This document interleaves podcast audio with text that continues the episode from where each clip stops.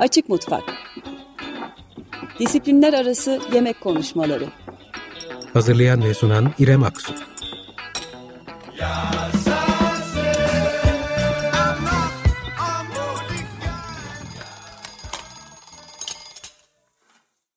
...95.0 Açık Radyo Açık Mutfak'tan herkese merhaba. Geçtiğimiz programda un ve su lapasının ateşle buluşmasının ardından modern toplumlara, değişen üretim ilişkilerinde ve toplumsal tarih içinde ekmeğin ve buğdayın serüvenine biraz giriş yapmıştık. Yapmaya çalıştık e, kısa sürede.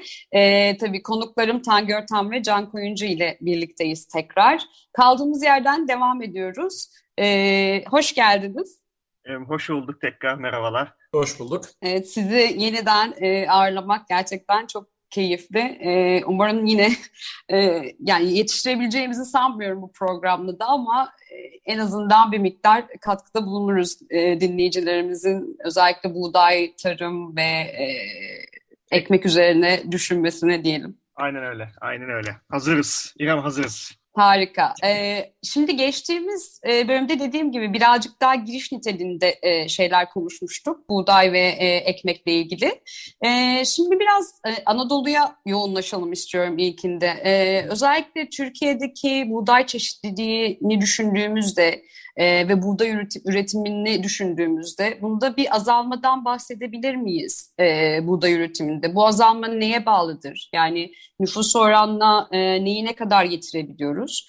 Ee, ve geçmişte bağlantısını kur, kurarak acaba e, buna neden olan et, etmenler nelerdir? Tangör istersen seninle başlayalım. Anadolu'yu çok araştırdın. Özellikle buğday çeşitliliği e, ve ekmek çeşitleri üzerine. E, ardından e, Can'ın da katkılarını almak isterim. Valla hani nereden başlasam, nasıl anlasam gerçekten bilemiyorum. Çünkü e, evet, e, uzun zamandır e, memleketi dolaşıyorum. E, hani uzmanım de, diyemeyeceğim ama ister istemez insanın dikkatini çekiyor. E, yani, ve bir yandan da araştırmaya başlıyorsun. Şimdi Türkiye'de şöyle bir sorun var. Özellikle 2000'den 2021'li yıllara, e, 20'li yıllara daha doğrusu geldiğimizde e, Ziraat Mühendisi e, Mühendisleri Odası tarafından yapılan bir araştırmaya göre burada ekim alanları 9.4 e, milyon hektardan 6.8 milyon hektara düşmüş günümüzde. Yani ciddi bir daralma söz konusu. Bu daralmanın akabinde e, ihracata e, dayalı bir e, ekonomimiz varken buğdayda, bu da tabii ki süreç içerisinde e, özellikle 1980 yıllarından sonra e, yavaş yavaş ve son zamanlarda hızlı bir şekilde tabii ki e, düşmeye başlıyor. Geçen okuduğum bir habere göre Türkiye buğday ithal konusunda şu anda birinciliği oynuyormuş. İkinci ülke ithal konusunda, buğday ithalatı konusunda Çin geliyormuş. Yani bu şu açıdan düşündürücü bir durum. Buğdayın çıkış noktası, kültür alınması ve kültürlenmesi hani geçen programda da bahsettik. Mezopotamya çıkışlı, işte Mısır çıkışlı, Orta Doğu çıkıştı. Ondan sonra Türkiye içerisinde işte Karacadağ'dan baz aldığımızda yavaş yavaş dağılmaya başlıyor. İşte çok temel bir buğdayımız var. Super Nutritional Foods diye geçen CS buğdayımız var. E, bunun dışında işte kırmızı buğday var, kıvılca var. Yani üveyik var. Aklınıza e, yani dinleyicilerin 10 veya 15 diyebildiği bizim rahatlıkla 150'nin üzerinde 200'ün üzerinde sayabileceğimiz cinste ve farklılıkta buraya ait olan buğday cinslerimiz var. Ki bundan 28'in genomu benim bildiğim kadarıyla yanlış hatırlamıyorsam Anadolu toprakları. Ama günümüze geldiğimizde bütün bu kültür, üretim kültürü de dahil olmak üzere çok ciddi bir biçimde hem politika hem siyaset hem dünyanın var olan dinamiği ve özellikle ki ve özellikle ben buna çok üstünde duruyorum. Son 15 senede ama son 5 senedir hızlı bir şekilde iklimsel verilerin tarımsal üretimde e, negatif efektli bir degradasyonu da bir yandan söz konusu. E, bunun sonucuna geldiğimizde çok ciddi anlamda geçen iki sene öncesinden bahsedersek buğday ihtiyacımızın yüzde 70-75 oranında kısmını maalesef ithal ettik. Böyle bir noktaya geldik. Burada üretici des, çiftçinin desteklenmesi, e, girdilerin, maliyetlerin çok çok yüksek oluyor olması e, gibi bir takım temel, çok temel sorunlar var ve bu temel sorunlar 1980'den sonra gelişen bir durum değil. Çok daha öncesinden 1800 yılların Osmanlı İmparatorluğu'nun son döneminden aslında başlayarak yavaş yavaş çiftçi ve köylü üretimde tarım pratiklerine bağımlı hale gelmeye başlıyor. Ve günümüz koşullarına geldiğimiz zaman maalesef e, buğday cinslerini, buğday tohumlarını yurt dışına ithal etme e, durumuna geldik diye söyleyebilirim arkadaşlar. Evet senin de söylediğin gibi üretimi, üretimdeki azalmayı, e, verimliliği, buğday çeşitliliğini düşünürken e, ya da konuşurken alınan politik kararlar, dünyadaki gelişmelerden bağımsız bir e, tablo çizmek mümkün değil. Senin de söylediğin gibi. Ancak iklim krizinden bahsettin. Son 5 yılda özellikle iklimsel verilerin üretime negatif etkileri olduğunu söylüyorsun. Bu gerçekten e, mühim ve tartış daha çok tartışmamız gereken bir başlık bir yandan. Özellikle e, bu kadar yıkıcı sonuçlarını hissettiğimiz iklim değişikliğinin, iklim krizinin e, bir yüzyıl içinde e, hala daha bu etkileri görmezden gelen ya da hafife alan e, tartışmalara denk geliyoruz. Maalesef trajik. E, diğer yandan bu kadar olumsuz e, tabii ki e, şeyleri konuşuyoruz ancak olumlu bir takım e, işler yapmak da mümkün mü? Alternatif olarak e, özellikle üretimi, verimliliği ve çeşitliliği arttıracak, e, su kaynaklarını daha verimli kullanacak belki. E, neler yapılabilir tarımda? Çok mu geç kaldık? Ne dersiniz? Aslında geç kalınmadı çünkü yani şu an Fas'ta bile yine işte yine o taraflara örnek vereceksem buğday melezleme çalışmaları var. Hani sıcak havalara karşı neler yapılabilir vesaire. Aslında bu Orta, Orta Doğu'da o işte Suriye taraflarında da özellikle 2012 öncesi, savaş öncesi e, çok ileri şekil teknolojilerle yapılan çalışmalardı. Ancak savaş gelince o e, projelerin çoğu yalan oldu. Sadece işte ortaya çıkan o güne kadar çıkan genler bir şekilde tohum bankalarına aktarıldı vesaire.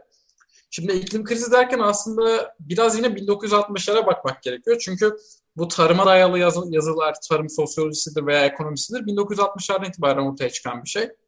Ee, genel olarak soru şu aslında insanlar kendileri için olan yiyecek ihtiyaçlarını karşılamak için biyosferi nasıl manipüle edebilir ve bunu nasıl yapmalıdır?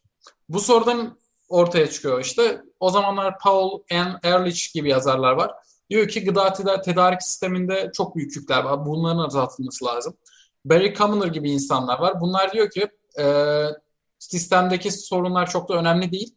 Bunun daha çok nedeni e, insanlar daha doğrusu. Hani şey e, insan nüfusu, artan insan nüfusu diyor. Bazıları diyor ki işte yüksek girdiler bu işte dediğimiz pestisitlerdir, ilaçlardır vesaire bunlar nedeniyle oluyor. Ve en önemlisi de aslında iktisatçıların görüşü burada. Çünkü 1980'lerdeki o neoliberal politikalarla beraber aslında tarımı ele alan sektör finans sektörü. Bunlar da kimler? Özellikle IMF ve Dünya Bankası. Ee, bunlar da diyorlar ki aslında bu, bu modern teknolojiler, bu bizim yaptığımız işte yeşil devrimden sonra ortaya çıkan durumlar bu artan nüfusu sürdürülebilir bir yiyecek sağlama projesidir. Ancak bugün biz bakıyoruz ki aslında gıda sisteminde iki katı üretim var insan tüketimine dair. Hani daha fazla üretiyoruz iki katı tükettiğimizden ancak e, bunların saklama koşulları ve transportu ideal olmadığı için biz %30'un daha yoldayken kaybediyoruz. ve sonrasında işte belli %50'nin altına iniyor. E bu nedenle üretimden üretimden sofraya gelene kadar da bir takım aksaklıklar çıkıyor Aynen. tabii ki değil mi? Toprakla e, işlenmesiyle e, tek Aynen. başına şey değil, ilgili değil. Daha kayboluyor işte. Daha tarladan tüccara geçmesinde bile yüzde on kadar kayıp oluyor o süreçten ötürü işte. Böyle Peki bu buğday için buğday özelinde konuşuyoruz değil mi bunu ya buğdayla evet. da e, buğday evet. da dahil. Aynen. Tabii şey de var. Hani Can'ın dediği gibi işin lojistiği zaten e, ayrı bir sorun e, tarladan siz mahsulü hasat ediyorsunuz. Ondan sonra son tüketiciye, nihayet tüketiciye gelene kadar zaten orada yüzde otuz verim kaybından bahsetmiyorum. Lojistik kaybından bahsediyor Can bir yandan da. bir yandan da siz onu e, çok efektif bir şekilde e, zaten e, dağıtmıyorsunuz veya dağıtmak istemiyorsunuz. Şimdi öyle bir takım durumlar da söz konusu. E, Evet popülasyon artıyor. E, aynı Can'ın dediği gibi e, popülasyonu arttırma yönelik bir takım politika ve siyasetler tabii ki 1950'den sonra hızlı bir şekilde uygulanmaya başlıyor. E, tarım pratiklerinde e, buğday e, ölçüsünden e, baktığımız zaman e, çok fazla herbisit, pestisit, tarımsal e, kim, daha doğrusu kimyasal tarım ilaçları bir yandan kullanılmaya başlanıyor. Bir yandan enerji safiyatı e, daha fazla kullanılsın diye bir takım uygulamalar e, yapılmaya başlanıyor. Bütün bu sürece baktığımız zaman evet çok fazla bir üretim var ama aynı zamanda üretilmiş olan e, 100 birimlik siz e, buğday ürününün e, 80'ini belki efektif bir şekilde dünyanın geri kalanına e, dağıtmıyorsunuz veya dağıtmak da istemiyorsunuz. Bu Yüzde 80, 80'ini. Evet. Öyle bir durum olduğu zaman zaten e, işte gene dönüp dolaşıp aslında e, aynı noktaya geliyoruz. Elimizde bir kaynak var elimizde düzgün ürün, düzgün tohum var. Ama bütün bu süreç içerisinde tabiatı çok yoruyorsunuz, çok fazla hırpalıyorsunuz. Şey hırpalıyorsunuz derken yani kimyasal kullanarak, tarım ilacı kullanarak, doğaya manipüle ederek bir yandan da enerji safiyetini uç noktasına getirdiğiniz zaman artık e, iş işten geç, Can'ın da dediği gibi iş işten falan geçmedi. Tabii ki işte there is always hope demiş Gandalf the White. E, onun gibi düşünüyorum. kaçıncı ya. sabah, kaçıncı e, sabah şafağıydı? Beşinci sabah. Doğru. ne, hani ne onu... zaman gelecek? Onu da söylemek lazım aslında. Bu buğday dağıtım olayı aslında ayda bir yapılan bir şey tüm dünyada. Hani aslında buğday ekonomisi aylık şekilde düzenleniyor. Ee, bunun en büyük sorunu şeyde görüldü zaten. Yine 2012'de görüldü. Özellikle işte Arap Baharı'dır, işte Suriye'deki savaştır, işte Lübnan'daki patlamalardır vesaire derken orası aslında çok büyük miktarda buğday e, ticareti döndüğü dönem bir yerde. Evet. 2010, o 2012'den itibaren bu yüzden aslında buğday fiyatları dünyada sürekli artıyor. Çünkü çok önemli bir yer şu an savaş halinde. Kesinlikle ve bahsettiğin o hareketlerin ana e, sembollerinden biri ekmekti. Hatırlayacaksınızdır. E, özellikle Mısır'da, Tunus'ta e, ki ayaklanmaları, Arap Baharı e, görüntülerini düşündüğümüzde e, bir elinde ekmek, diğer elinde e, özgürlük çağrısı yapan aslında e, pankartların taşındığı e, toplumsal hareketlerdi bunlar. 2008'de ee, yaşanan gıda krizini hatırlayalım. Hızla yükselen buğday, mısır, pirinç gibi temel gıda fiyatları senin de bahsettiğin gibi özellikle yoksul ülkelerdeki e, gıdaya erişimi gerçekten zorlaştırdı. E, ve bu krizin nedenleri, sonuçlarının tartışıldığı birçok e, araştırma ve çalışmada yine ilginç. Bunun ilerleyen senelerde tekrarlayacak cinsten bir gıda e, krizi olduğu yazılmıştı. Nitekim yanlış da e, değil. Ee, en önemli nedenlerinden biri de iklim krizinden dolayı ard arda yaşanan doğal felaketlerle düşen üretimdi. Ee, bu bilgiyi de not edelim. Şimdi Tangöl, senelerdir Anadolu'da ve Türkiye'nin birçok yerinde araştırma yapıyorsun. Ee, buğday olduğu için konumuz bununla doğrudan e, sorumu soracağım sana. Bu araştırmaları yaparken eminim zorluklarla da karşılaşıyorsundur. Özellikle sözlü kültüre dayalı bir e, yeme içme e, tarihimiz var. Çok nota, not, altına alınmamış maalesef. E, peki sen hangi kaynaklardan faydalanıyorsun literatür çalışması yaparken? E, ve topladığın bu verileri ya da e, araştırdığın kaynaklara e, ulaşmak isteyenler hangi isimlere bakmalı, nerelerden ulaşmalı? E, biraz senden öneri isteyeceğim özellikle konuyla ilgili meraklı e, dinleyicilerimiz için. Yani şöyle e, hani seyahatlere çıkmadan önce veya seyahatler esnasında tabii ki ister istemez e, literatür çalışması mutlaka yapıyorum. Mutlaka makale, kitap e, okumaları yapılabiliyor. Yapılı, yapıyorum daha doğrusu. E, buğday da e, dediğin gibi hani bizim en temel kültürümüz olduğu için bu konuyla ilgili e, yapılmış birçok e, hem kitap e, yerli e, hem de yabancı kaynaklı aynı zamanda makaleler e, ve araştırma makaleleri de bir yandan var ki bunlardan bence e, en güzeli e, zamanında kaç senesi tam hatırlamıyorum ama 38 mi? Öyle bir şeydi. Mirza Gökalp diyorsun. Ya bir şey var. E, Türkiye'nin Zirai Bünyesi diye bir kitap var mesela. E, 1951 yıl, yılında e, basılıyor. Türkiye Şeker Pancarı e, fabrikaları anonim şirketi tarafından e, Neşriyat No 20 diye hatta geçiyor. Türkiye'nin zirai bünyesi Anadolu'yu baz alıyor. E, bir Türk, e, sanırım da e, biri Azerbaycan, biri de Gürcü olan iki tane, e, üç tane profesör e, o dönemden başlayarak e, Anadolu'nun yöresel ve yerli ürünlerini ama temelinde ise buğday çıkış noktasını baz alıp bir kitap ya da bir ansiklopedik tarzı bir kitap yayınlıyorlar. Onun dışında buğdayla ilgili şeyin e, WWF'in bir raporu var. World Wide Foundation'ın e, 2016'da buğday üzerine bir e, Türkiye'nin buğday atlası var daha doğrusu ki bu çok kolay bir şekilde e, Google üzerinden e, erişilebiliyor ve bence çok kompak e, ve çok doyurucu bir e, çalışma. Ama onun dışında e, hani merak edenler olduğunda e, hani nasıl yaklaşabiliriz diye e, hem şeyin devletin e, tezlerinin toplandığı bir birim var tez.gov.tr. Bunun dışında işte akademiye e, gibi e, uluslararası makalelerin toplandığı, gene Dergi Park gibi e, ulusal makalelerin, e, akademik makalelerin toplandığı e, kaynaklar var. Benim en azından e, baz aldığım ve çıkış noktam olan. E, bunun dışında da e, buğdayla ilgili ilk çalışmayı vakti zamanında 1897 yılında doğup 1981 yılında vefat eden Mirza Hacızade Gökköl var. Yani Türkiye'de şöyle söyleyeyim ben yani benim jenerasyon NBA dediğin zaman kim aklına geliyor derse ben Michael Jordan derim. Buğdayın Michael Jordan'dı bence Mirza Gökbel çok net bir şekilde. yani var o e, kendi eğitiminden başlayarak bunun e, akabinde e, aldığı eğitimden sonra hem şey hem İtalya hem e, Almanya eğitim bak ki Ziraat Fakültesi ve Ziraat Araştırma Enstitüsü'nden başlayarak onun akabinde tekrar Türkiye gelip buğday üzerine çok ciddi çalışmalar yapıyor 1926 yılından itibaren ve birçok buğday genomunu tespit edip bunları uluslararası literatüre bir yandan kazandırıyor.